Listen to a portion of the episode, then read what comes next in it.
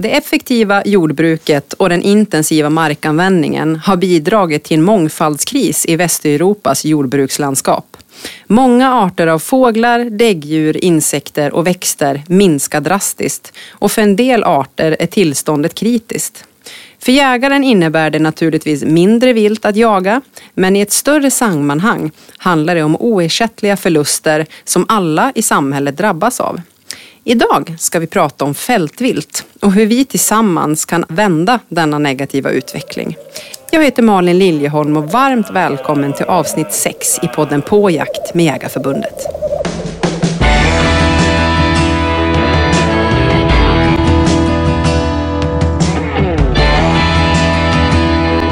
Ja, varmt välkomna då kära poddlyssnare till avsnitt nummer 6 med På jakt med Svenska Jägarförbundet.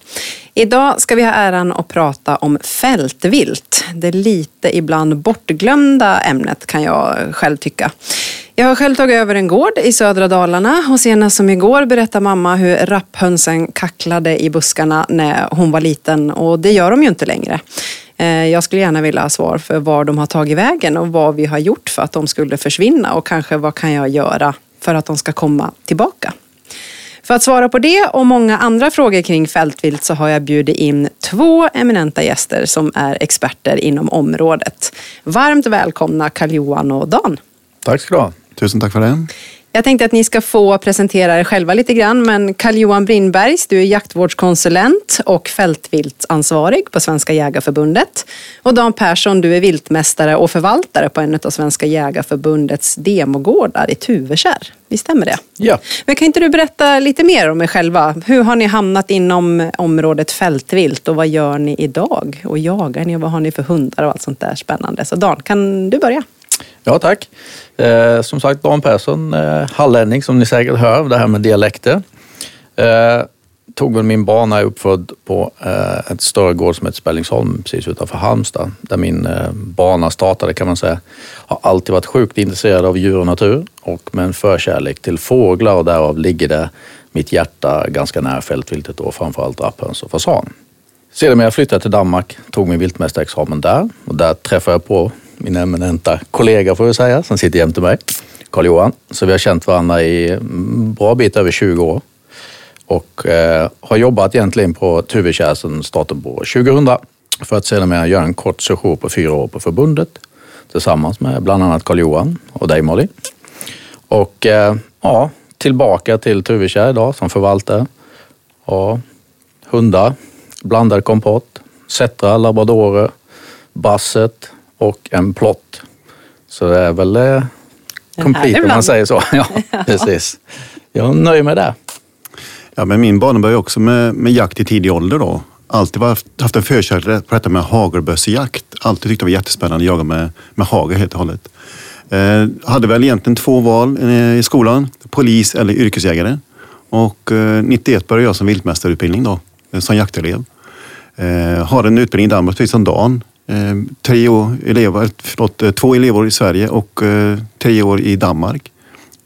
Klar 97, kom hem. Har jobbat med jakt sedan 97 kan man säga i någon form. Då. Antingen som jägare på något ställe eller också som egen företagare med jakt och viltvård kan man säga i grund och botten. Då. Sen 2011 är jag då anställd på förbundet, Region Syd, jobbar mycket med vanliga klövviltsfrågor. Men sen tre, fyra år tillbaks även med fältvilt som jag brinner väldigt mycket för. Då. Ehm, och ser man till hundarna så har vi två forskare, jag och min sambo och en drever. Ett olycksfall i arbetet. Ehm, hundparken börjar bli gammal. Vi hade några korsningar, lite klövishundar. Men eh, vi brinner för hagelbössejakten, både jag och min sambo. Och det var ganska naturligt då att eh, vi skaffade en drever. Så jag tycker det är jättehäftigt. Det är en ny dimension på, på, på våran jakt kan vi säga i alla fall. Kul! Tack hörni. Ehm, jag hoppas att ni kommer kunna besvara min fråga varför jag inte har några rapphöns i buskarna uppe på min gård här. Men jag tänker vi kommer säkert dit lite längre in i podden. Men för att börja från början så tänkte jag vi, vi börjar i änden. Vad är, vad är fältvilt? Vad ingår i ett fältvilt? Vad är det för djur? Kan ni berätta det för mig? Men ser man rent traditionellt så är det ju egentligen fåglar. Det är fasan och rapphöns. Men sen i gruppen även hare, kanin och även andra djur och fåglar som, som finns i, i fältlandskapet, i marklandskapet. Ja, precis. Så det är en ganska bred mix av, av vilt som rör sig i jordbrukslandskapet. Mm. Och hur ser utbredningen ut här i Sverige av de här olika arterna? Vart har de funnits och var finns de idag och hur mår de? Ja, tar vi rapphönsen så har de i princip funnits över hela Sverige, ända upp till Tornedalen. Eh, det finns väl, vi har väl fått lite indikationer de sista åren att det finns några enstaka rapphöns lite här och där och det är ju säkert spillror eller någon som har faktiskt lyckats överleva och föröka sig av utsatta rapphöns skulle jag säga norrut. Eh, och vi kommer väl till det lite senare då vad det just gäller jordbrukslandskapet. Fasanen är ju eh, mer eller mindre spridd kan man väl säga. Eh, också runt jordbrukslandskapet men finns väl mer naturligt då än vad rapphönan gör. Den är lite tuffare och lever gärna in bland hus och sådär. Ja, ser man till det med, med fältharen, kaninen, det är ju en, en fågel som, eller fågel, det är en, ett djur som är mer knutet till det södra landskapet. Mm. Eh, det, det, finns en naturlig utbredningsbromsning och det är ju vintern naturligtvis med, med snödjup för eh, speciellt kaninen då. Den trivs ju bäst i Skåne, Gotland, i det landskapet en bit upp i Halland. Eh, fältharen tar ju upp mer och mer ska säga, mark ifrån skogsharen. Konkurrerar ut skogsharen på många ställen. Sen kan man lägga till just med kaninen är väl också, den gillar ju väldigt kortklippt, alltså kort vegetation. Och eh, idag är det ju väldigt mycket trädår kan man säga, men det är lång vegetation och därav så har vi den kanske inte, vi har den mer inne bland tätbebyggt område där den också då kan ställa till en del bekymmer. Då. Mm. Men det är ju just av att de vill ha kortklippt eller hårt betade betesmarker. Men om vi börjar med rapphönsen som ni nämner har funnits hela vägen upp till Tornedalen. Hur kommer det sig att de inte finns kvar? Men om vi backar tillbaka 50-100 år i tiden då, då hade vi ett helt annat odlingslandskap. Eh, de här ängsladorna som fanns förr uppe i Tornedalen där man skördade både spannmål och även hö och halm. Så la man detta i, i eh, lader. Och under de här golven, där trivdes ju och kunde rapphönsen överleva hela vintern sen då. För det ramlade ju alltid ner lite, lite frön genom det här brädgolvet då. Det är ju borta idag den odlingen eh, har ju försvunnit sedan många, många år tillbaks. Det har ju bidragit till att hönsen trivs ju inte. De, de kan inte överleva så långt norrut. Nej, samtidigt då som eh, infrastrukturen och sånt har gjort det möjligt att man faktiskt kan flytta spannmål från södra Sverige till norra Sverige till de som behöver det i sin produktion, vilket då gör att det är mer effektivt att odla vall norrut. Men enbart vall är ju inte tillräckligt med, med föda faktiskt för att då förbli föryngring av rapphöns norrut. Så att jag skulle säga det där eh, enformiga lantbruket helt enkelt vad det gäller norrut. Och det är nog där mm. runt omkring din hem, dina hemtrakter där, där just det är väldigt mycket vall. Eh, jag jagar ju otroligt mycket björn. Eh, kommer ju ofta i dina trakter och Gävleborg och vilka dalgångar. Alltså jag blir helt salig när jag åker igenom. Alltså vilka rapphönsmarker men där det bara är vall, vall, vall och vall. Mm. Eh, och även om du lägger lite träd och du har lite biologisk mångfald så är det inte tillräckligt. Eh, utan jag skulle säga det är det enformiga där. Men det är ju någonting som, vad ska man säga, det är inte lantbrukets fel utan det är ju faktiskt det är mänskligheten som har, har krävt eller efterfrågan är där. Konsumtionen helt enkelt. Är det likadant i hela Sverige? Har det liksom försvunnit, om vi pratar om rapphönsen då, eh, i hela Sverige? Behövs det så pass mycket utsättning? Vart, vart mår de bra rapphönsen i Sverige? Ehm, vi har ju förmånen, vi bor i Broddetorp, jag och min sambo. Det är ju i Hornborgabygden. Vi har jättesmå brukningsenheter. Vi har stenmurar överallt. Det är en superbiotop för fältviltet helt och hållet. Ehm, vi hade ett riksprov i höstas. Vi satte ut lite fågel inför det här forskarprovet. Ehm, så nu i våras när vi vårinventerade, då hittade vi 16 par rapphöns på en väldigt, väldigt liten areal. Och det är, det är vilda fåglar till stor del och även lite utsatta fåglar. Men det är på grund av att vi har en superbiotop. Sen kan vi flytta oss kanske 10, 20, 30 kilometer mer västerut på de här öppna landskapen runt Vara och Skaraslätten då. Eh, där det är stora brukningsenheter och det trivs inte hönsen. Det, det blir för stort, det blir för monotont. Men det är som Dan var inne på att det är ju liksom att, att för att ha en ekonomi i jordbruket och driften så är vi tvungna att ha stora brukningsenheter och det, det lider hönsen av, tyvärr. Är det där liksom vi har hamnat? Det är det som har gjort att, att de har försvunnit helt enkelt? Ja, jag skulle säga det är, ju, det är åtminstone en bidragande, väldigt stor bidragande orsak är ju de här stora enheterna. Mm. Eh, och eh, att det inte tillåts att vara några kantzoner helt enkelt eller ogräs ute på sidorna. Eh, fasanen lika känslig som rapphönan? Ja, det är den ju eftersom de, de behöver, det är ju framförallt det är kycklingstadiet egentligen som är, är poängen med det hela. Eh, vinterbiotopen vinterbiotoperna har vi oftast där de lever, men det är ju just själva kycklingperioden då. Det är ju så att både fasanen och rapphönsen, av deras första tre levnadsveckor så är det 100 procent insekter. Det är ganska viktigt då att just precis den tiden när de kläcks, att det finns, finns insekter och det gör det inte i ett stort vetefält som är full produktion liksom, av naturliga skäl. Eh, så kan man tycka då att, eh, som jag många gånger får frågor om, men då är ju ekologisk drift perfekt. Ja. Eh, och ja, det är den ju i den, kanske i den bemärkelsen av att man inte sprutar. Det finns lite ogräs i botten. Men det är fortfarande inte tillräckligt. Eh, och sen gör man en annan effekt med ekologiskt. Det ogräs bekämpar man ju med ogräsharvar och massa och man åker över fältet flertalet gånger. Så att då skördar man rederna istället innan de kläcker. Så att det är inte alltid att det ena förtar det andra utan det, man behöver oftast en kombination av det hela för att, för att lyckas. Mm. Och de dikena som finns kvar, är det liksom, de räcker inte längre. Utan vad, vad, har man gjort i jordbruket som har fått så stor effekt? Fanns det så pass mycket mer skyddszoner för fältviltet för låt säga 50 år sedan mot vad det gör nu? Var, vart har den stora förändringen varit där i hur man brukar jorden liksom, mot att fältviltet har fått backa? Eh, jag träffade en lantbrukare i höstas eh, som är född ute på, på Varaslätten då. Och han sa just den stora skillnaden idag det är att man har tagit bort de här brukningshindren som var då. Diken är borta, man har dikat ut, man har tagit bort vägar. Och på den tiden som man sa att kunde man skjuta kanske 100 rapphöns på 200 hektar. Och det gjorde man på en helg. Nu idag så kanske man har något par rapphöns på en sån här stor areal. Och där, där har vi kruxet att vi, vi har de här stora mm. monotona fälten som, som inte skapar någon mat och inget skydd. Och jag tänker att det är självklart inte bara rapphönsen och fasanerna som lider av det här, eller hur? Det vilka fler arter missgynnas av den här, det här upplägget? Storsbo, kornknarr, ja, toff, tofsviper, ja. lärkor.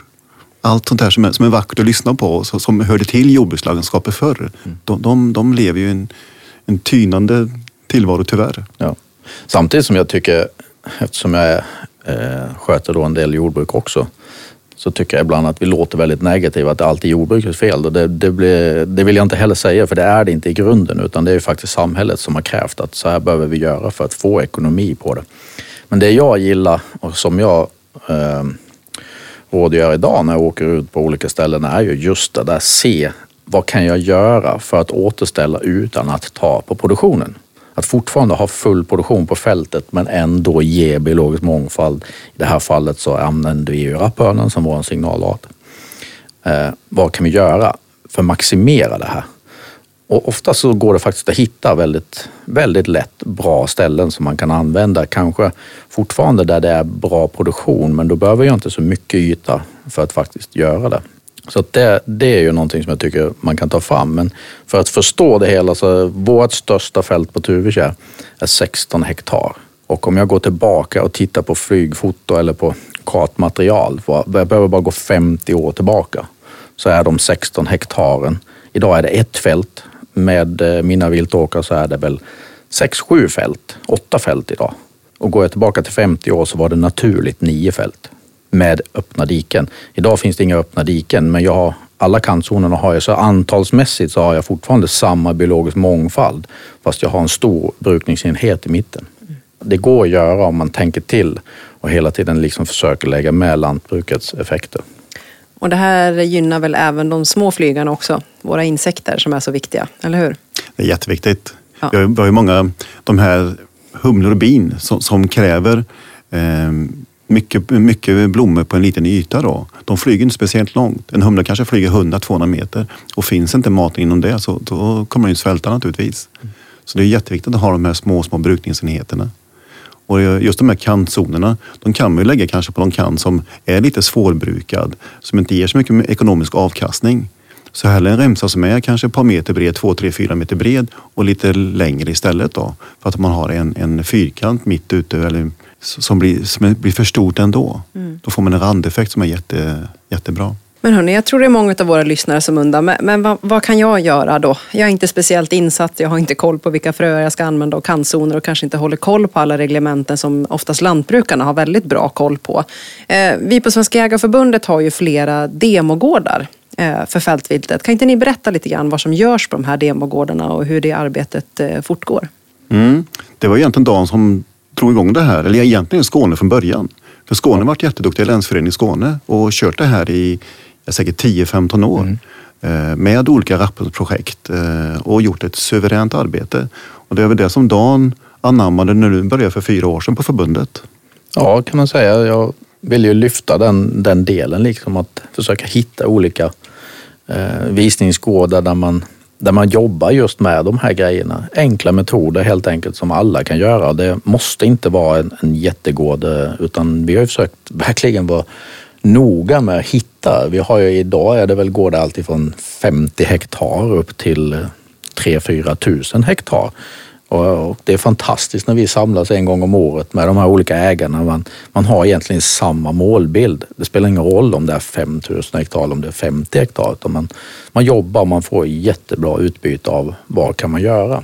Och självklart så är det ju så att tar man på en, en gård som har väldigt många hektar åker så är det kanske inte lika betydelsefullt att ta undan 50 hektar viltåker. Men har du bara 50 eller 20 hektar åker så blir ju helt plötsligt 10 hektar jättemycket att plocka undan men, men effekten av det kan räcka med bara ta tre meter som Kalle säger och sen 100 meter långt. Då har du skapat något helt otroligt på den lilla marken som inte någon annan har gjort i det här området. Liksom. Men eh, vad innebär en demogård för de som kommer och, och besöker en sån här gård? Vad, vad, får man ta del av? Ja, men det, det, är en gård som har ett stort intresse av fältviltet, då, eller att gynna biologisk mångfald. Som har ett grundintresse, ser en långsiktig planering då som vi knyter samarbete med. Som vi ger råd och tips på att det här kan ni göra för att i framtiden, om fem år, då kanske ni har en, en tanke om att vi ska ha vilda rapphöns. Då ska ni göra så här. Och under tiden, de här åren, så, så kommer vi dit med besökare. Vi håller våra föreläsningar, vi har våra fältvandringar. Vi visar vad man gör på den här fastigheten då med stå, små stora medel.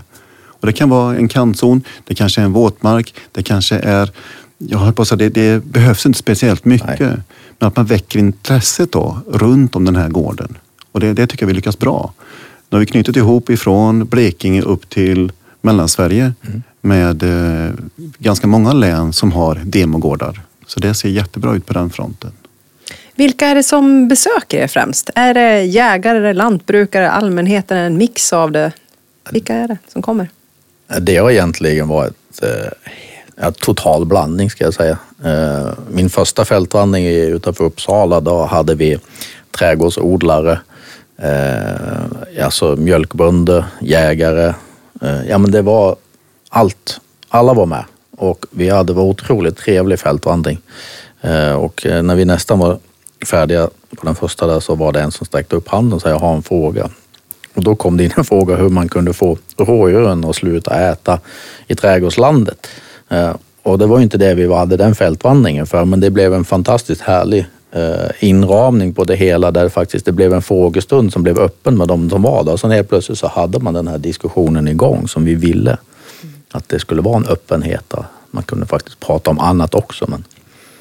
men vad upplever ni kanske, de som kommer och besöker, vad, vad upplever ni deras problematik? Eller vad är oftast det här steget att komma vidare med att börja ett sånt här arbete. Ibland kanske man kan känna att det är så mycket jag måste göra för att lyckas. Liksom. Är det, vilka invändningar får ni oftast? Att eh, de tycker att det är lite svårt att veta vart man ska börja kanske? Jag vet inte vad du säger Galle. Jag, jag skulle nog säga att, att man upplever att eh, lantbrukarna då, eller markägarna är negativa. De vill inte. Eh, det är det jag upplever av, av jägare. Eh, att de säger att de får ingen stöd. Pratar jag med med lantbrukarna så är det nästan tvärtom att ja, jägarna inte riktigt vill. Och jag, där tror jag egentligen det är så enkelt så det är bara en kommunikationsgrej. Och, eh, jag har i alla fall sagt, och jag tror vi är ganska eniga där du och jag Kalle, att man tycker att jägarna får vara med och ta del av en kostnad. Eh, och kostnaden i det här fallet kunde vara fröna. Att oftast är det, om, om jag jagar på en mark så vet jag ju vad det är jag vill gynna vad det är mitt största intresse är för just jakten.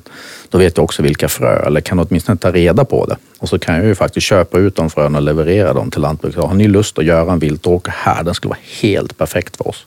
Den skulle öka vårt jaktutbyte eller våra jaktmöjligheter så här mycket. Mm. Då skulle jag nog säga att ja, nio av tio lantbrukare skulle absolut skulle vi göra det.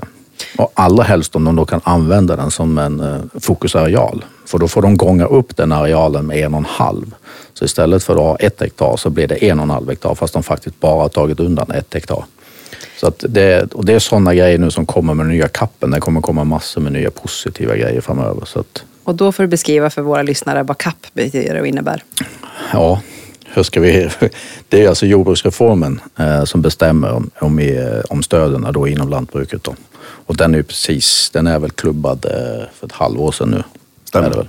Klubban kommer och köra från 2023. Ja. Så fortfarande har vi chans att påverka hur man ska tolka ut de här stöden och vad vi kan utnyttja. För det finns en hel uppsjö av Ja, jättepositiva grejer för viltet. Och, eh, en, en grej som man har just so- som, som mål i kappen det är att man ska gynna biologisk mångfald.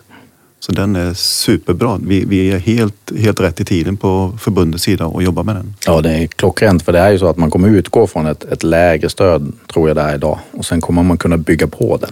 Så här kommer man ju ha som jägare, ha världens möjlighet att faktiskt vara med och höja gårdsstödet för, för lantbruket genom att faktiskt bidra med en del fröer och andra kunskaper. Och där kommer ju Jägarförbundet in. Men är det då lantbrukaren som söker här stödet eller kan jä- gemene jägare göra det direkt från utifrån ett jaktlagsperspektiv? Den är knuten till gården och lantbruken. Ja, okej. Så istället för att ta från kanske viltkassan och bara, bara bara, men köpa viltstenar så kan vi titta på och hitta lite bra fröer som vi kan anlägga en, en viltåker eller liknande eh, runt om på vår jaktmark till exempel. Då. Absolut, absolut. Mm, det är bra.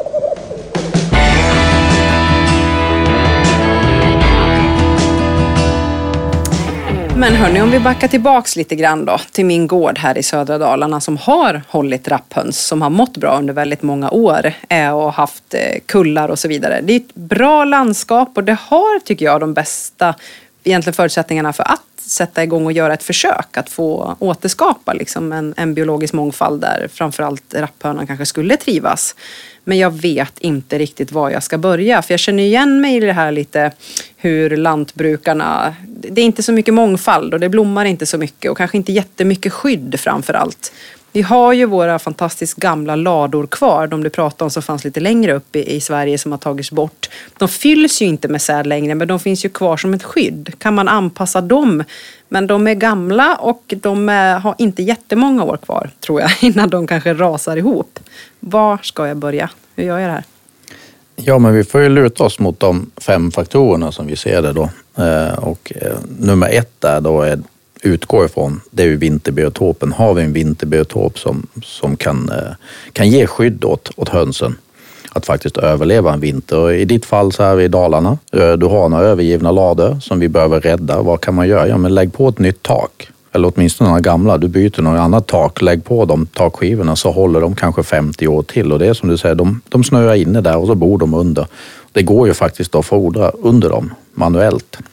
Det är en av punkterna, det är faktiskt stödutfodring i de här fem som vi vill luta oss. Men vinterbiotopen är ju det viktigaste. Det är också den som man vid egentligen all fältviltsarbete, både vid utsättning och alltihopa, så måste man ju gå runt och kika. Har man vinterbiotopen?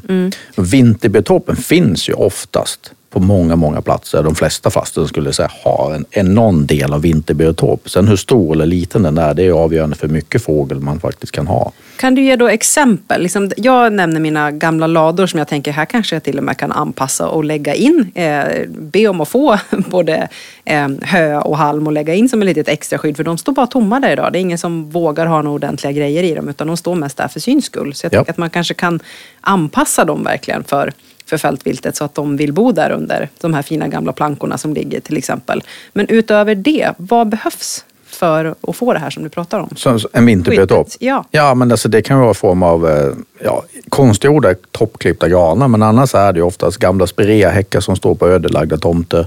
Kantzoner, alltså brukningshinder där man har tippat stenar under väldigt lång tid och så växer det hallonsnår och grejer. Det är också en form av, av vinterbiotop. Hur, liksom, hur bra måste skyddet vara, tänker jag, utifrån det kommer en snöstorm och vind och blött. Och hur, hur känsliga är de för det? Måste det vara ett tak och torrt? Eller räcker det som du säger med ett snår? Jag tänker, hur kräsna är de mot skydd? Liksom? Det är ju lite grann var vi är någonstans i landet skulle jag säga, men först och främst så är det ju faktiskt ett skydd mot rovfågel. Det är, det, det är egentligen det rapphönans största predator under vintertid eftersom den syns mot snön eh, där man har mycket snö. Men i ditt fall, om man kommer upp i dalen, skulle jag säga där snöar rapphönsen inne. Så de kommer snöa in under den här ladan och då blir det avgörande om det finns någonting i ladan som de kan äta av. Alternativt om det är en stubbåker. Finns det ingen stubbåker så är det ingenting att äta. De kan inte livnära sig på en vall. Eh, och det är också det, har vi stubbarna, där ni har stubb kvar på hösten, det är också där ni finner rapphönsen på våren. De är runt stubbarna för det är där det finns mat.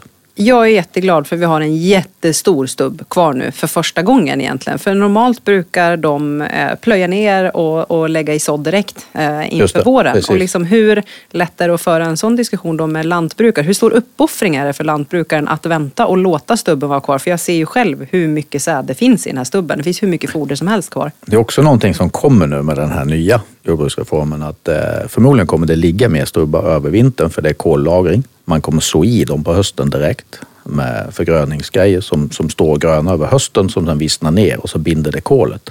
Så att jag tror det här det är också någonting som kommer att bli mer populärt. Så det kan man ju ha ett, kanske ett fördelaktigt Ja. samtal då med att be dem försöka lämna stubben Precis. om man har de planerna. Men annars tycker jag väl vi får- måste dela på det om man säger fasanen kräver ju en annan vinterbiotop än vad rapphönsen kräver. Rapphönsen kräver egentligen inte särskilt mycket.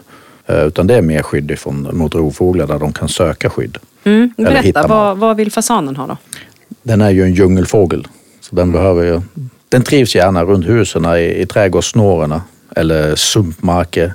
Kanten på våtmarkerna gillar den, vassområden. Eh, Så den, den letar liksom skydd på annat sätt och det är en typisk vinterbiotop för en fasan. Just det. Och den klarar sig i det. Ja. Eh, I, I buskage och så vidare. Man behöver inte... Och då är en annan sak som kommer då upp direkt i mitt huvud är ju grenarna, åkersgrenarna eller dikesgrenarna, det här fjolårs vissna gräset. Det kan ju räcka till rapphöns men är lite magert åt fasanen. Men rapphöns kan det ju duga mycket väl till att sitta i de här skyddszonerna runt dikena. För att hitta liksom nattskydd. Och när det gäller eh, harar och rabbisar och kaniner och allt vad det är. Hur klarar de de här vinterbiotoperna? Vi backar tillbaks först. Ja. Eh, jag tycker, mm, fokus många gör, man, man köper fågel. Jag och Dan, vi har fött upp fågel sedan ja, ganska många år nu tillbaks då och även sålt fågel. Eh, då har man en vision att den här, den här biotop som jag sätter mina fåglar i på sommaren, så kommer den vara över vinter, hösten, vintern, vilket den inte är. Man måste tänka lite mer långsiktigt. Var kan fågeln övervintra? För jag vill inte sälja en fin fågel som, som jag har fött upp, som är superbra kondition, stark, som kommer att överleva, som vi sätter ut i fel biotop. För jag kan sätta en, en, en rapphöna eller en fasan, den kan sätta i stort sett i en rosenbuske, en fasantupp. Det kan den vara i några veckor på sommaren. Men sen kommer den söka en bättre biotop, bättre häckningsmöjligheter eller, eller överlevnadsmöjligheter helt enkelt. Finns inte det i området så kommer den vandra iväg. Och, och den, den kan gå ganska långt för att hitta rätt biotop. Så jag måste tänka på vart finns en nattkvist? Vart har jag så bra skydd så att den verkligen klarar sig från duvhöken, från räven och från grannens katt. Eh, och det är viktigt att man tänker till. Så, eh, då är rapphönan enklare att sätta ut faktiskt. För den kan man sätta ut på en stubbåker i, i augusti månad. Eh, den ska gärna sättas ut då de här 30 dagarna innan jakten börjar.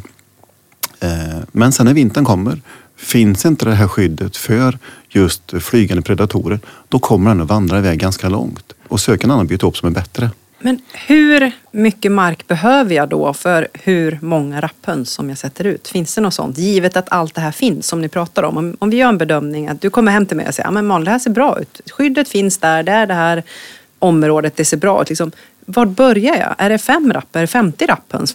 Hur, hur börjar man? Kom in på det här med historia igen. Ja, den är ju då en inhemsk art vilket också gör att den kräver inte lika mycket som fasanen eftersom fasanen kommer från en helt annan del av världen i grunden. Eh, och rapphönsen är ju polygama. Det innebär att de lever i par och de är ju, kläcker sin lilla grupp och sen lever de i den. Så att jag skulle säga den optimala när man ska sätta ut rapphöns är någonstans mellan 15 och 25 fåglar för det är så den lever.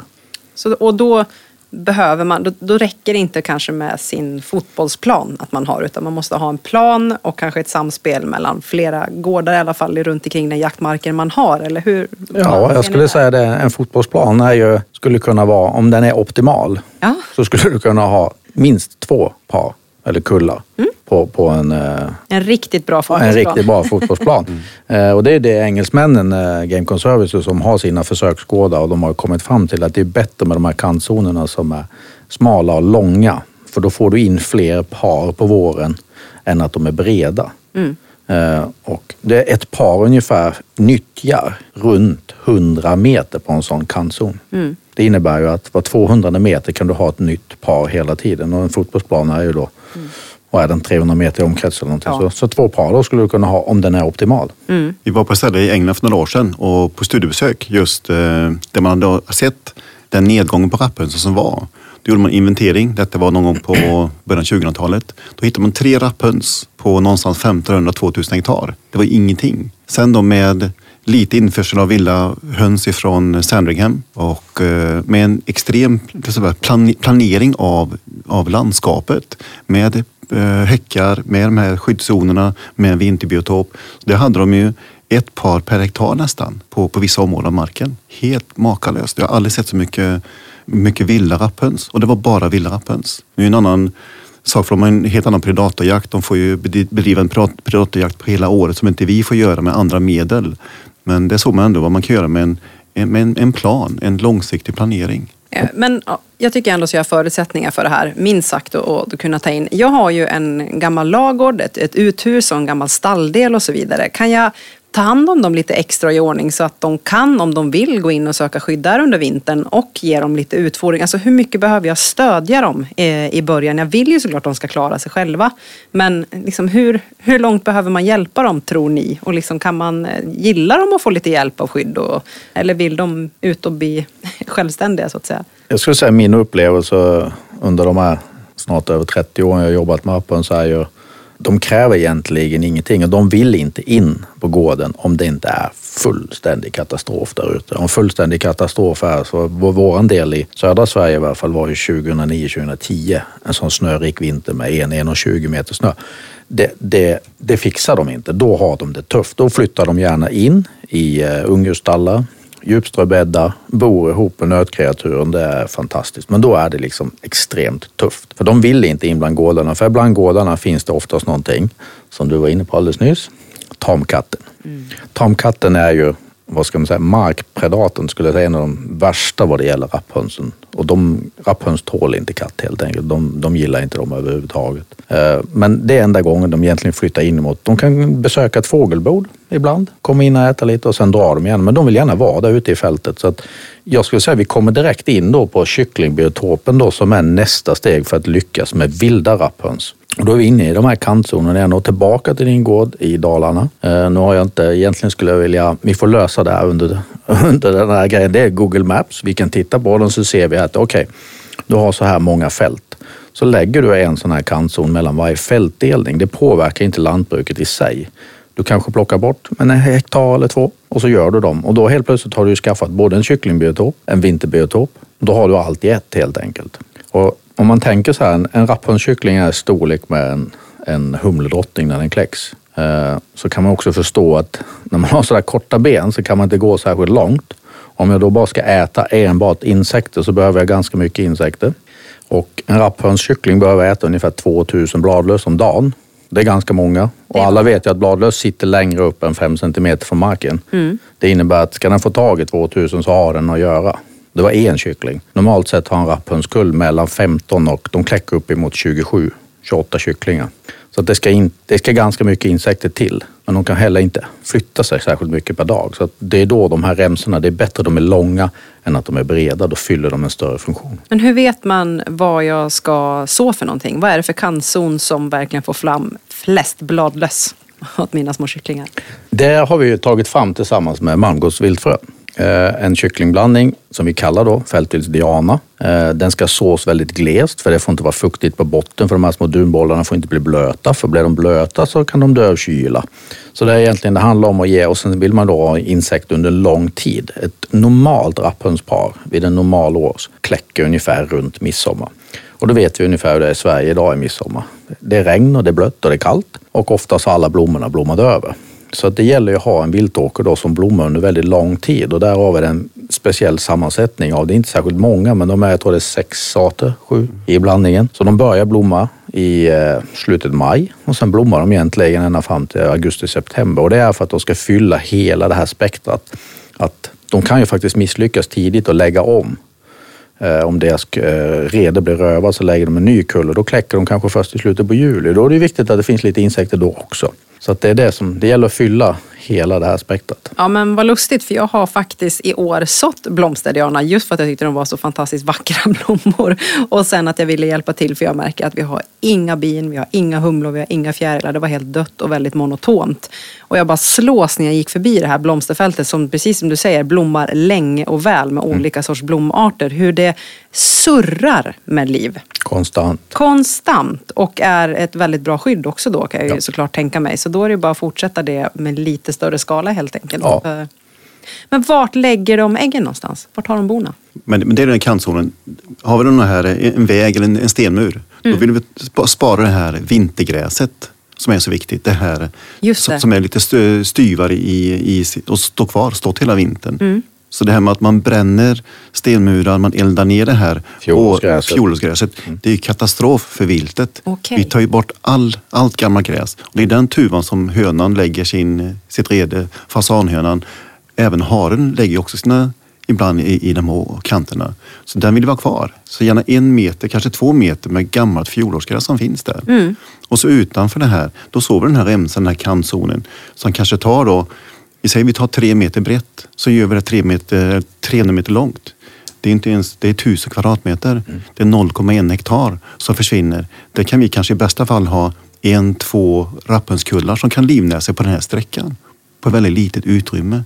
Så det finns de här små, små medlen vi kan, vi kan använda. För att ge ett exempel då från eh, Gotland som jag var ansvarig för under mina år på förbundet som är ju ett fältviltsmecka skulle jag säga. Det är Nordeuropas eller Europas absolut bästa fältviltsmarker. Eh, där har de ju satsat på, Jägarförbundet på Gotland har satsat på sina medlemmar där man kan hämta frö och som medlemmar och så kantzoner. Och som senast här i september var jag över på skördefestivalen och då kommer en medlem fram till mig och säger jag vill bara tacka dig Dan för att eh, nu är det så mycket rapphöns som jag ser det som en rapphönsexplosion. Då får du förklara för mig vad du gjort. Jo, men du var ju över och besökte mig och så sa du här ska du lägga en remsa. Då den tiden då hade vi ett par i snitt per år. Jag gjorde en remsa, året efter hade jag två kullar i samma remsa. Då gjorde jag två remsor till och i år har jag åtta kullar. Så på tre år har det gått från en kull till åtta vildkullar rapphöns. Det är ju fantastiskt. Då krävs det ju ganska lite egentligen för att ge stor Ja, effekt. Och då pratar vi som Kalle, jag skulle säga hans remsor totalt sett kanske är 0,1, 0,2 hektar totalt sett. Och han har gått från en kull vilda rapphöns till åtta. Det är ju musik i ens öron höra. Och det här är ganska tuffa fåglar. Eh, De, de är ju väldigt revirhävdande. Så att eh, de, de tillåter ju inte att en höna eller en kyckling kommer in på fel område för den, den, den dör ganska omgående. Så att därför ska man bryta av det så man inte får de här stora, stora. Vi säger att man lägger ett hektar i ett enda, en enda fyrkant. Det skapar en sämre effekt än vi sprider ut det här på, på 20 små rems istället. Det är mycket, mycket bättre. Så de kan dela upp sig och samsas helt enkelt. Absolut.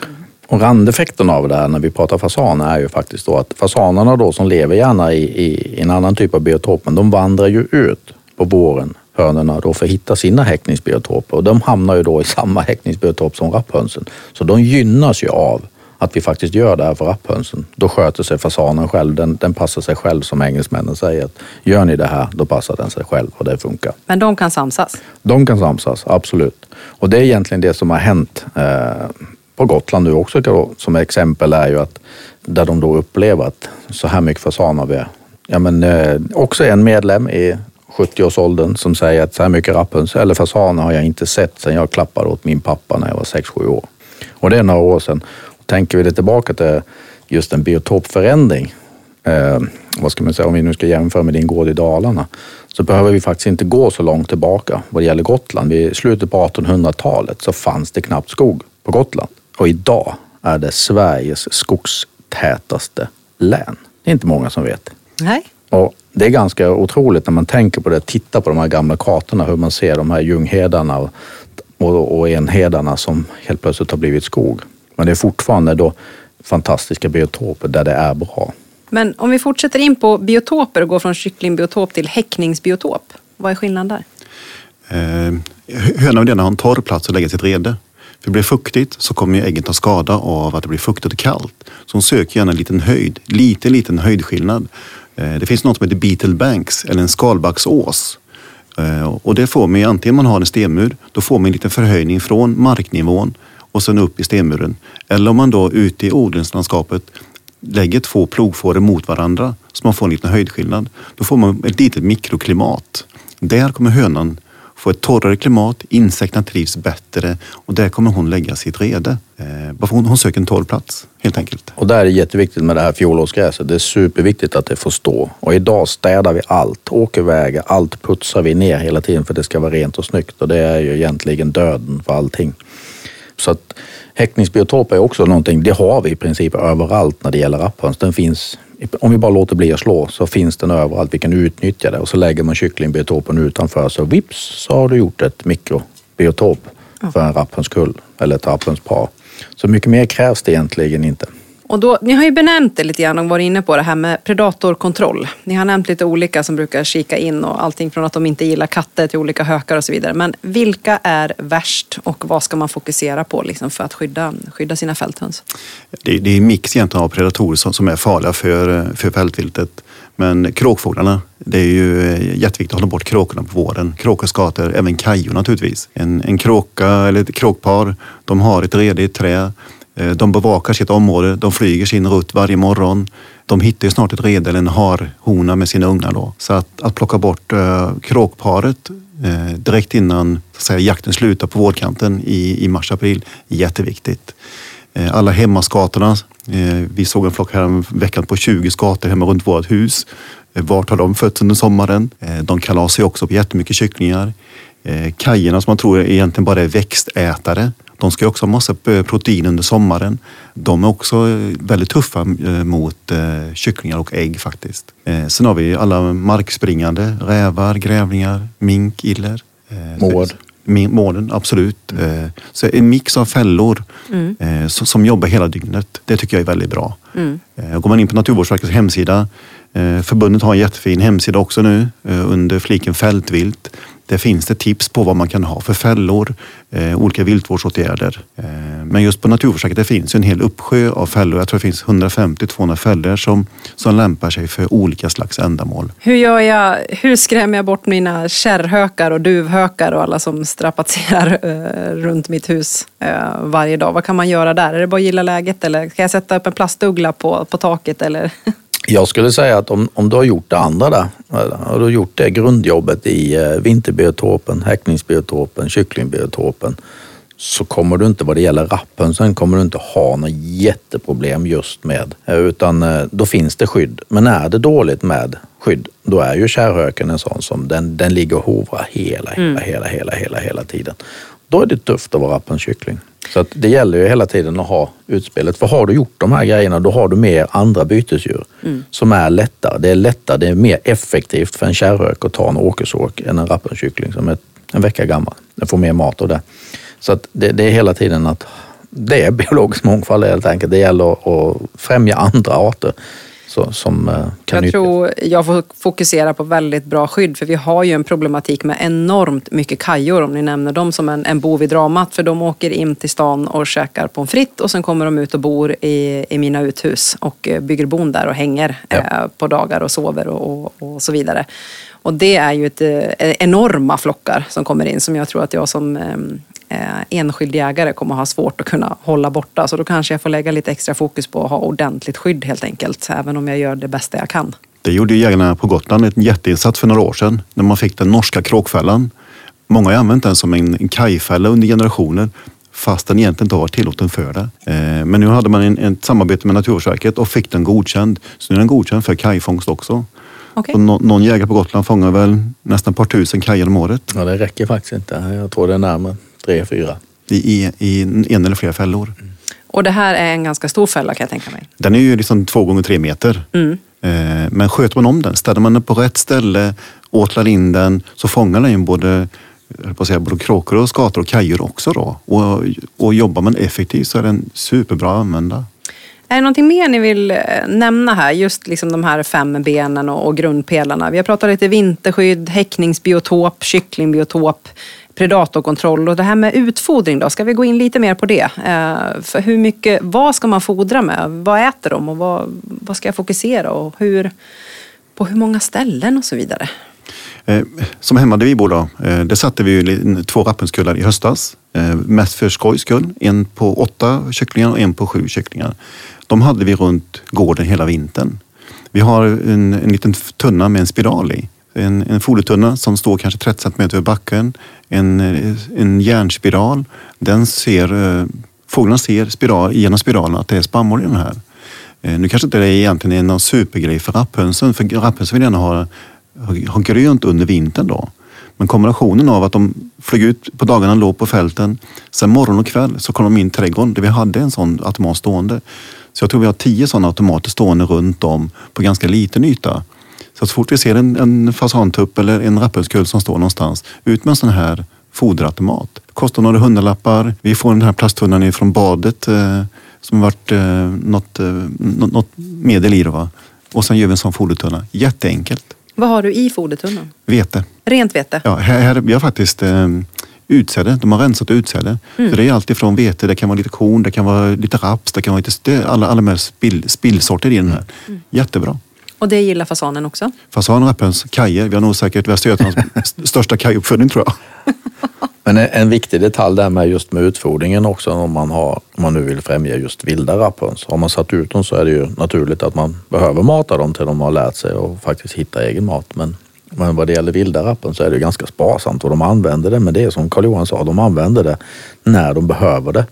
Men då är det viktigt att de står på rätt ställe och det är ju framförallt skyddet. Så att man inte lockar dem till en plats där de faktiskt kan bli tagna av exempel duvhöken. Bra poäng. För den är ju jätte, det är ju den som slår dem hårdast på vintern. Mm. Så att eh, Kalle har helt rätt tycker jag. Många foderplatser och utspridda så de inte behöver, för är det någonting som rovdjur eller predatorer lär sig så är det ju vad fodertunnorna innebär. Mm. Det är mat, även för dem. Så att de ska stå bra i bra skydd. Och vi kan bara ta en sån sak som klövviltsutfodring. Det är katastrof att ha en enda ensilagebal på en plats. Då ska alla komma in och, och konkurrera om den här. Vi har en flock med dov. Då kommer hjortarna in först, slår åt sig maten. Sen kanske hindarna kommer in, får lite mat. Sen går de därifrån. Och då står kalvarna kvar och får ingen mat alls. Vad gör vi då? Jo, vi sprider ut den här ensilagebollen på tio platser inom ganska litet område. Så alla får möjlighet att äta. Samma sak gör man naturligtvis med hönsen. Mm. Mm. Vi, vi sprider riskerna och, och ger dem en, en bra möjlighet. Eh, du var inne på det med snön också då. Eh, ett tips också det är vintertid. Då tar vi traktorn, schackbladet så kör vi ut på åkerlappen, gör några remsor med traktorn så får vi fram det här gröna gräset. Då kan hönsen ligga där i, i det här gröna, eh, lite i snön naturligtvis, lite dolda. De, de kommer under lite snötäcket och får skydd. Och kanske kommer åt lite käk där också? Precis, absolut.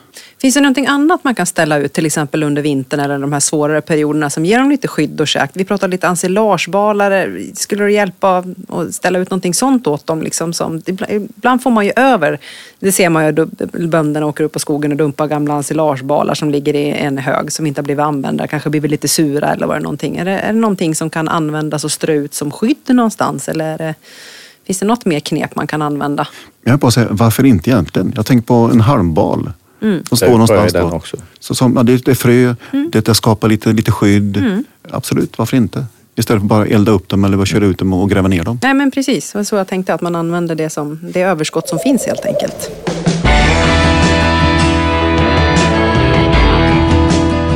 Hur eh, har jag koll på mina fasaner och rapphöns då? Behöver jag inventera och hur gör jag det på bästa sätt? Det är alltid bra att ha ett utgångsläge från början. Eh, så att göra en, en inventering, kanske både höst och vår, är jättebra. Eh, Kalle von Essen hade ju det här konceptet på Öland under många år eh, där du Dan var med och inventera. Ja, och det visar sig att det är ju ganska exakt som, som engelsmännen kommer fram till och det är egentligen utifrån det som Kalle jobbade. Och man, man inventerar sig hur många par man hittar på våren och det jag har lärt mig under mina år som jag har deltagit på de här inventeringarna är ju att där vi hittar paren på våren innanför 100 meter kan jag säga, hittar vi kullarna i augusti-september. Så att de, är, de har redan, redan under utparningen så väljer de bästa biotopen och där finns ju då de här fem faktorerna vi har pratat om. Mm. Men hur inventerar man? Med stående fågelhund. Ja. De markerar ju mm. fågeln och så går man fram och lyfter den och så räknar man paren helt enkelt. Och under tiden då så får man ju, beroende på vad man har för stående jag sätter, den ska ju då hålla sig till eh, fjädrar. Så att jag får ju bara se, eh, jag ser faktiskt bara rapphöns och fasaner. Men Kalle, du har en annan ras så de, de tar väl lite fler. Man, då ser man ju allt vilt som finns i marknaden när man har forster. För liksom, nu snackar vi ju hundarnas Formel 1. Ja. Då ser du allt från eh, hår till platta näbbar, simfötter. Och, Absolut, absolut. Rubbet.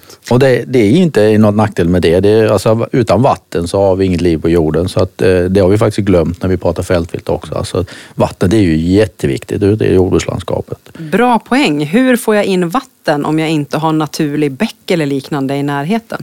Då kan man ju anlägga en våtmark. Ja, Bara, bara sådär. Ja, bara precis. sådär. Och då tänker jag, det är ett helt eget avsnitt. Ja, det är det faktiskt. Ja.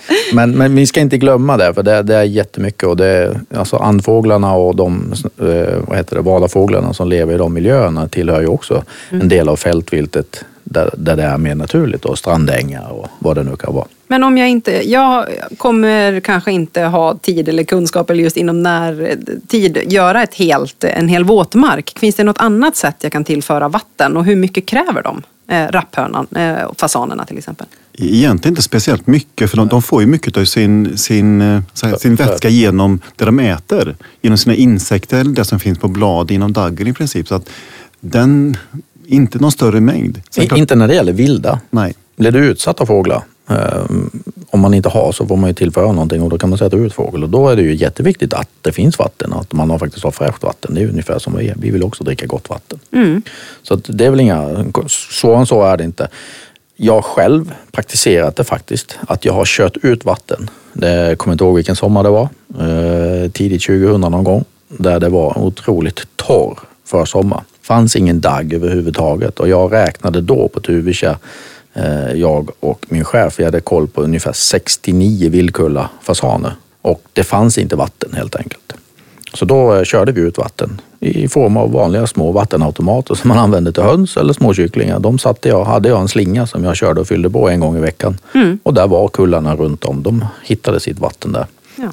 Så att absolut, svaret på den frågan att i extrema fall kan man faktiskt göra nytta. Så Ja, just det. Och eh, man behöver inte börja med, med att göra ett eh, anlägga vatten helt enkelt. Utan Nej, man kan nej, nej, faktiskt utan- tillföra det i mindre mängd och sen lägga det på nästa Precis. års projekt kanske. Tillbaka till inventeringen då. Eh, Det var lite skämt däremellan med att vi hittar det mesta, men det är faktiskt väldigt intressant att föra då lite dagbok på våren. Vad det är man hittar, vad det är man ser och vilka arter och hur många de är. Och sen under hösten då så kallar vi det höstinventering, fast det är ju då själva jakten.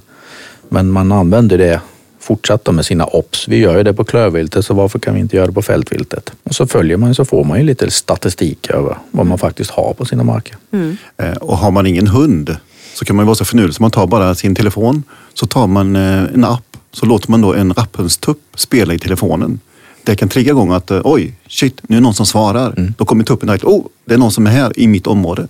Så man kan inventera genom att sitta på ett ställe och så bara liksom låta en rapphundstupp spela genom telefonen. F- kan också funka ganska bra. Eller Den bara kommer svara då helt enkelt. Ja, eller Absolut. faktiskt bara promenera i de här kantområdena eh, områdena som kan göra ett häckningsbiotop. Ja, just det. De är ju oftast i närheten.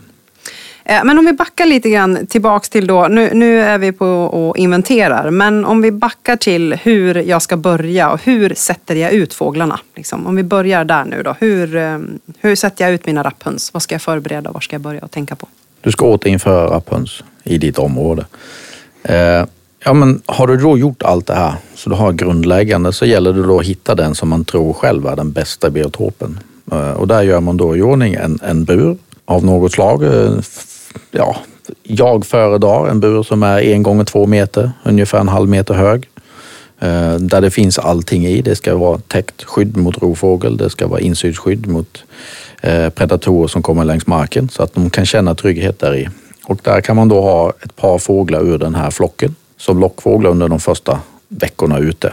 Och sen släpper man ut dem också då. Då har de ju sett sig till eh, vad ska man säga, bott in sig på den här platsen som du vill att de ska vara på. Och där finns det mat och vatten som du då kör dit. Jag brukar använda även små halvtak.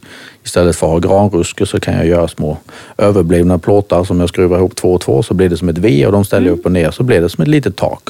De nyttjar dem väldigt mycket. Där har jag mat och vatten. Och den låter du stå kvar ett tag? Liksom, för det Men den andra- har jag alltid på samma plats. Ja, den står år efter år efter år. Eh, Och för de som Förhoppningsvis är det ett antal som överlever vintern Eh, och de har ju de här platserna och de hamnar oftast i samma område hela tiden sen. Är det likadant för fasan? Eh, lite annorlunda. Fasanen vill, jag har gärna sett ut en fasankyckling när ungefär sex veckor gammal. Någon gång mellan fem sex veckor gammal. Eh, när jag födde upp mina fasaner, även Dan, vi, vi har ju alltid tamhöns i bland våra fasaner. För att eh, mor och far är borta. Någon måste ju lära de här fasanerna att träa på nätterna. Så att när jag sätter ut mina fasaner en, en tidig morgon, en tidig sommardag. Jag har ett jättefint buskage, gärna gran i någon form. Eh, nu har vi experimenterat hemma i vår syrenberså. Den är 3-4 meter hög. Där kommer de trivas jättebra nu under hösten tills det avlövas. Eh, gör en liten eh, utsättningsplats, sätter upp lite nät runt omkring. Det gör jag i alla fall. Även ett litet elstaket som man håller borta räven och grannens katt. Ut med fasanerna tidig morgon. Ha min hönstupp eller mina tuppar i en bur. Eh, där får de gå hela dagen. Sen på eftermiddagen sätter jag upp min tupp i trädet så att, eh, att de eh, lär sig träa. För fasanen ska ju sitta i, i trädet på nätterna. Gör jag så i en vecka, 14 dagar, så lär jag fasanerna att träa och då kommer de klara sig mot, eh, mot markpredatorer. Sen efter någon, några veckor tar jag bort min tupp, tar hem, hem honom in i hönshuset. Och sen har jag liksom en, en fasanflock som är på den här platsen och håller sig i det här hemområdet. Precis som, som Dans rappens här. Som man präglar på platsen för att de ska bli hemmastadda och liksom hålla sig i det här området. Alltså jag har ju egna tamhöns så jag blir lite glad och då har jag kanske lite gratis där då. Men hur ska jag få upp min eh, sturska tupp Jussi eh, in ibland de här eh, fasankycklingarna tänker jag. Hur gör man Det- rent praktiskt där? Ja, den eh, fungerar inte så utan den, då måste Jussi vara med Ja. hemma i min uppfödning Ja. direkt från scratch. Precis. Utan eh, det här är ju då eh, hönskycklingar eller tuppkycklingar som vi kläcker kläcker dem tillsammans veckor. Nej, vi kläcker dem ett par veckor tidigare för Jaha. att de behöver vara lite större än fasankycklingarna. De är lite snabbare och lite mer på om man säger så än en hönskyckling. Så att de behöver vara tre veckor gamla ungefär. De måste komma in direkt dag ett Mhm. eh, för att få den här connectionen liksom. Just det. Eh, Kommer de in dag tre så är det redan hälften skulle jag säga som inte, jaha, vad är det där för någon kabrat som kom in här? Utan det handlar om direkt när de kommer ut ur ägget så ska de bilda den.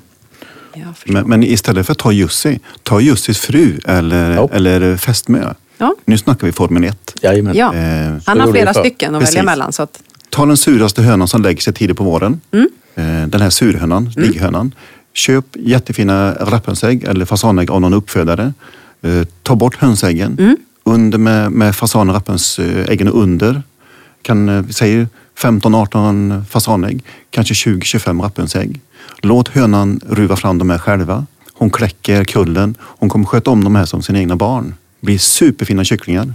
Jätte, jättebra kycklingar. Och så sätter man ut den här sen på sommaren på hösten för mina höns, jag har ju en vanlig hönsgård och de, eh, jag stänger in dem på natten så de inte räven tar dem och sen får de gå ut eh, fria hela dagarna. Sköter det där sig själv då? Eh, hur, när ska jag flytta? Hon vill ju hänga på gård. Förstår du? Jag tänker mer praktiskt hur jag ska göra. Jajamän, men, men ta bort henne från hönsgården så att hon Ja, är ensam. just Så att, att man lägger henne i en låda eller i en bur själv där hon får ruva. Mm. Mm. Och det, det, det ser man snart när hon lägger sig på vårkanten. Att den här kommer bli en bra ligghöna. Jajamän. Och redan då så tar man bort henne och eh, låter henne ligga på vanliga hönsägg eller såna här porslinsägg.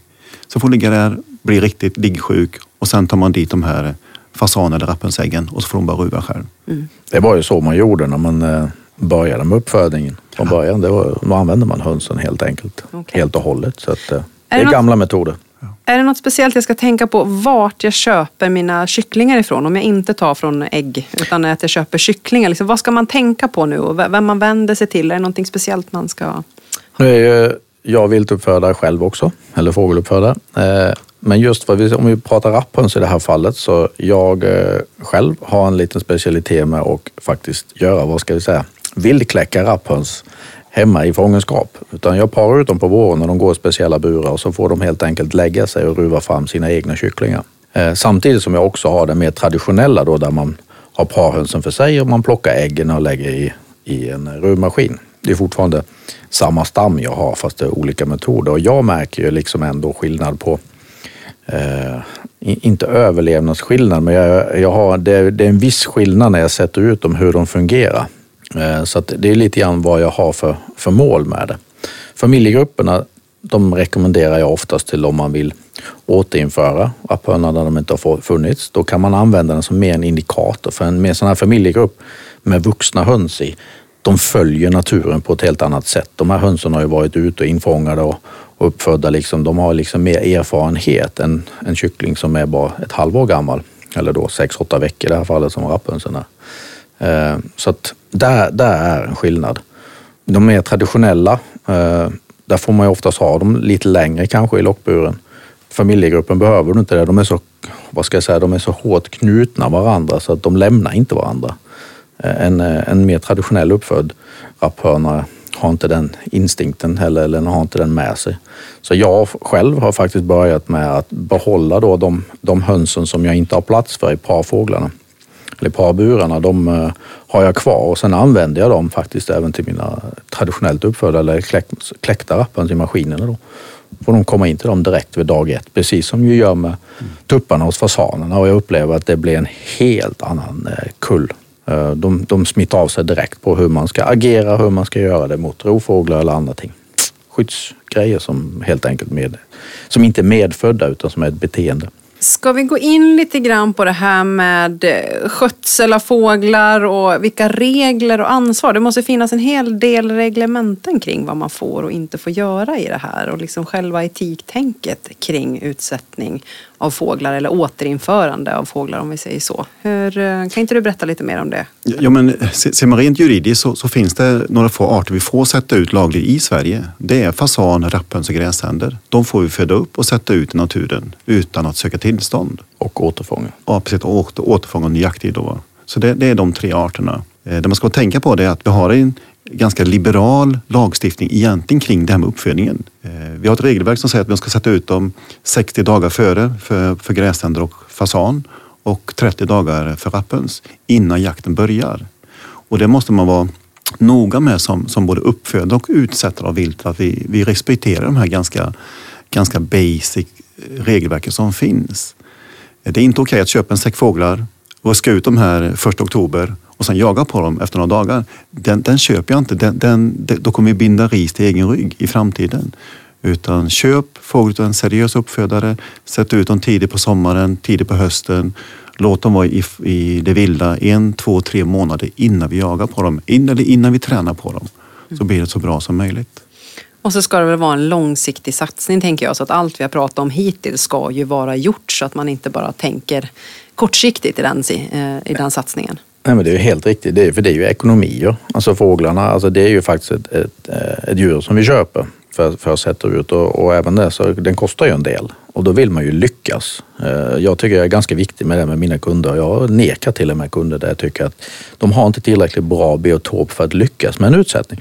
Då finns det ingen anledning att de ska lägga pengar och energi på att köpa fåglar av mig och sen släppa ut och sen lyckas de inte. Utan då är det bättre att de lägger den energin på de här inledande i den här podden nu då. Att gör kantzonerna, gör arbetet för då kommer ni lyckas och då blir det också mycket, mycket roligare. Mm. En viktig detalj där som Kalle var inne på med liksom att man sätter dem i god tid och låter dem vara i marken. Det är ju att du får ju också en, en fågel som, vad ska vi säga, den blir starkare, den lär sig naturen i sitt område.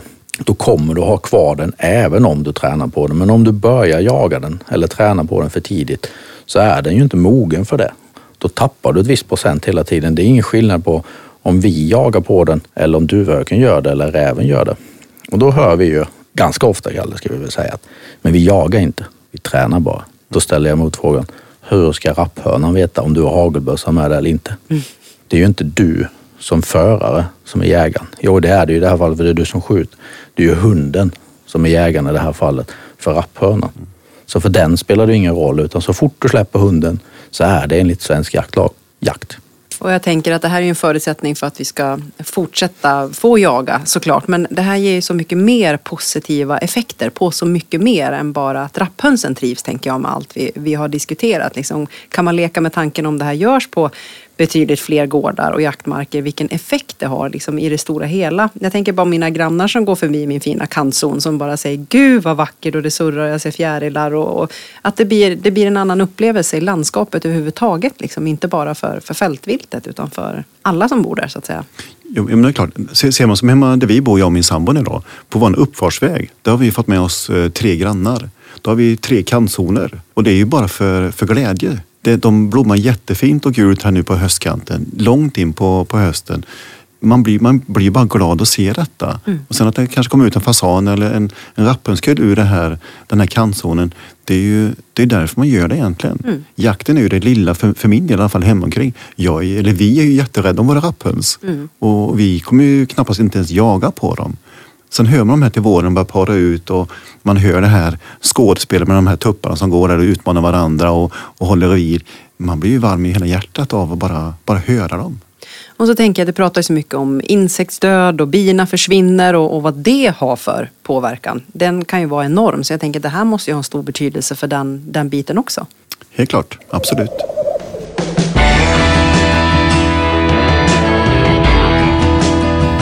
Om vi går in lite på jaktformer då och vad som gäller. Ehm, om vi pratar fältvilt och de fälthöns som vi har pratat här. Vad, vad finns det för krav med att ha med sig hund och vilka jaktformer finns det?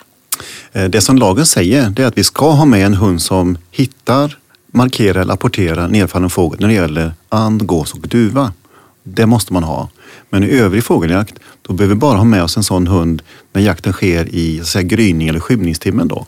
Så jagar vi en fasan mitt på dagen, en klappjakt, vi, vi klappar upp den, vi skjuter en höna, den faller ner.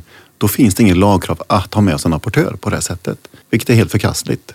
Vi måste naturligtvis ha med en hund som hittar den fågel vi fäller. Samma sak på fjället naturligtvis. Vi har ju med en hund som hittar fågeln eh, i vilket läge som helst. Så att, eh, etiken naturligtvis helt och hållet. Frihet under ansvar. Frihet under ansvar. Och du nämnde lite grann klappjakt som en jaktform. Vad finns det för fler sätt att jaga de här fältviten? Eh, det klassiska det är ju naturligtvis med stående fågelhundar. Eh, forster, engelska, eh, kontinentala raser som hittar fågeln, söker snyggt över fältet, står för fågeln, markerar, man går upp, hunden reser på kommando och så fäller man fågeln över så att säga hunden då. Sen har vi ju Spaniel och med lite mer rough shooting. Det är väl kanske lite mer åt fasanhållet. Eh, även eh, andfåglarna i bäckar eller åar eller våtmarker. kanin och hare. Kanin och hare. Eh, och sen då labrador, retriever eller nu sa jag bara för jag har labrador själv. Men retrievers då eller rena rapportörer då på de mer klappjaktsformerna. Så det finns en hel del trevliga jaktformer att utöva och väldigt många olika hundraser att involvera egentligen. Ja, och sen finns det också en hel del synpunkter på de olika, eh, vad som är bäst eller vad som är... eh, Och eh, jag själv då gillar egentligen de alla jaktformer egentligen vad det gäller på fågel. Men sen håller jag ju på väldigt mycket själv med klappjakter. Och eh, än så länge har jag inte haft med någon icke-jägare eller nybörjare som har sagt att det här är en jaktform som jag inte ska hålla på med. Alla har varit bara wow, säger man. Och det är ganska intressant för att ofta skjuter man ju mycket mer fågel på en klappjakt eh, än när man går en, eh, med stående fågelhund till exempel. Eh, Spanier rough shooting kan man också skjuta ganska många om, man, om det går bra helt enkelt. Men oftast är det för att en klappjakt är nog sättet man jagar på. Man jagar väldigt tajt tillsammans som grupp eller som människor. Och även om man, ja, om man inte skjuter själv utan man har- går med hund eller man är medhjälpare så jagar man lite grann som en familj. Och jag tror det är ofta det folk gillar, att man är liksom med i själva jaktögonblicket. Går man bakom en stående fågelhund så är det ju bara de som är framme precis vid själva situationen som får uppleva själva jakttillfället. Mm. Ja men så är det väl med alla jaktformer. Jag tänker Ja. att alla har sin olika charm. Och Precis. den ena utesluter ju inte den andra. Utan eh, jag tänker att alla de här eh, olika jaktformerna har ju eh, sina fördelar. Och man kanske hittar sin favorit. Men man ska ju definitivt testa alla, tänker jag. Absolut. Men vad bra. Hörrni, jag tänkte att vi ska gå in lite grann. För Svenska Jägarförbundet har ju klubbat ståndpunkter för fältvilt. Kan inte ni berätta lite mer vad det innebär? Eh, Det är så att, eh, inom förbundet har vi olika råd. Vi har kustråd, vi har eh, fjälljaktsråd och förra året så skapade man något som heter Fältvildsrådet. Eh, Och det var de som tog fram de här ståndpunkterna för att, eh, eh, vad ska man säga? Tydliggöra Precis. Jägarförbundets framtida arbete inom fältvilt. Ja, ganska enkla, korta, koncisa punkter. Det här tycker vi att vi ska jobba med inom fältviltet. Mm. Är det lite grann det vi har pratat väldigt mycket omkring idag i den här podden? Liksom rimmar det jämt med, med de ståndpunkterna? Eller är det någonting annat som ni skulle vilja lägga fram som ni känner liksom att det här framåt vill vi ju det här. Det här är ju viktigt för att. Men jag tycker faktiskt att det, det, det, vårt arbete det är mycket ifrån, ifrån våra ståndpunkter. Det är mycket med etik, hur vi sätter ut fågeln, hur vi bedriver vår jakt och det ansvar vi har för jaktens fortlevande. För den jakten som vi har idag, den ska kunna fortsätta så i generationer efter oss. Gör vi på rätt sätt med våra ståndpunkter i beaktande så kommer vi kunna förklara och försvara jakten på fältvilt i urminnes tider. Ja, och framförallt också det här med, med utsättningen då, för det är ju så att på det är ju några få platser, eller få, idag är de lite fler än vad de var för tio år sedan, men det är ju bara på ett påtal platser där det finns en bra population av vilda fåglar som faktiskt kan föröka sig, har möjlighet till det, som medger en liten jaktuttag eller ett litet jaktuttag. Mm. Och för att vi ska liksom kunna göra det här så vill man ju kunna jaga. Det är ändå trots allt det man, man vill ju göra den här jaktformen och då vill man ju ha någonting för de pengarna man lägger ner på till exempel viltåkrar och kantzon. Och det är klart att då behöver man sätta ut fågel för att kunna göra den här jaktformen. Och det är också en sån del som är jätteviktig att vi står upp för och faktiskt hjälper och rådgör. Så mm. att vi, vi blir bra på det helt enkelt och lyckas ännu bättre. För ju mer vi lyckas med utsättningarna så kommer det generera till fler vilda fåglar. Och jag tänker också ett viltkött som är fantastiskt och det väldigt gott. Det får vi inte glömma. Eller hur? Och vad, hur får man göra som jägare idag? Om jag har lite fasaner och jag går ut på en egen jakt med mina stående fågelhundar och lyckas och så tänker jag, men jag har inte riktigt plats med alla de här. Får jag, får jag ge bort dem? Får jag sälja dem? Eller vad, vad får jag göra? Det, det är det som ett välfärdsbekymmer, att, att ha så många som man är tvungen att ge bort dem. Frysen kan ju vara full av annat vilt. Helt, jag helt, underbart. Ja. helt underbart. Men in i lag får du sälja 10 000. Så mycket ska nog inte hinna upp till. Men... Så att, äh, ja. det, det, kan man säga, det är, det är fritt. Det är fritt fram, ja. Precis. Ja. Och det kan ju också då bli en, en resurs, jag tänker i den lokala byn, liksom att man hjälps åt eh, i det här projektet. Försöker involvera kanske grannarna, gårdarna runt mm. omkring. Att, att det blir också en avkastning, att man får liksom just lo, någonting lokalproducerat verkligen från sitt eget område till exempel. Att det kan också vara en uppsida. Ja, som genererar i eh, biologisk mångfald. Ja, faktiskt. jag tänker liksom, vi jobbar ju väldigt mycket med att det ska vara eh, hög acceptans för jakten, för den är ju väldigt hög i Sverige idag, acceptansen för jakten, vilket är otroligt positivt och vi ska vara rädda över. Och det känns som att ett sånt här projekt är ju ett, en lågt hängande frukt som checkar in på väldigt många olika delar, eh, som fyller väldigt många mm. syften. Liksom, mycket utöver liksom, jaktformen så klart vi värnar väldigt eh, varmt om. Men det hjälper till på så många andra delar, tänker jag. Bra hörni! Tycker ni att vi har fått med det mesta som våra kära lyssnare behöver ta sig till om, om fältviltet? Det känns som det har gått väldigt fort den här stunden. Eh, det finns så mycket som man vill berätta och försöka förklara men men nej, jag tycker vi har varit eh, nosat för mycket i alla fall. Och, och, vi, och, vi, finns ju här. Vi som jobbar med detta i fältidsarbete, vi, vi finns ju kvar. Ja. Ni kan ju söka upp oss och eh, rådgöra ja, med oss. Vi, vi kan nå oss, precis. Precis, men Karl-Johan, vart kan man nå dig till exempel? Om man är medlem eller, eller jägare och funderar på att starta upp någonting. Var kan man söka mer information och läsa mer och vem kan man ringa för att få lite mer stöd och hjälp? Eh, gå in på eh, Svenska Jägareförbundets hemsida. Eh, under fliken vilt så finns fältvilt. Där finns det kontaktuppgifter till eh, till oss som jobbar med fältviltet. Det finns eh, råd, tips på vad man kan göra för fältviltet. Enkla handfasta saker. Så att börja med hemsidan och sök informationen därifrån. Mm. Och där ligger ju även vi med på demogårdarna. Exakt. Så att bor man i närheten av en demogård och vill besöka oss så finns det telefonnummer kontaktuppgifter och mejl till nå oss där. Så alla förutsättningar finns. Jag känner mig i alla fall sjukt peppad nu att få till det här på min gård. Det ska bli riktigt spännande och jag kommer säkerligen behöva en hel del hjälp på vägen. Hörni, tusen tack för att ni tog er tid och kom hit idag. Stort tack för att vi fick vara med. Verkligen. Kul.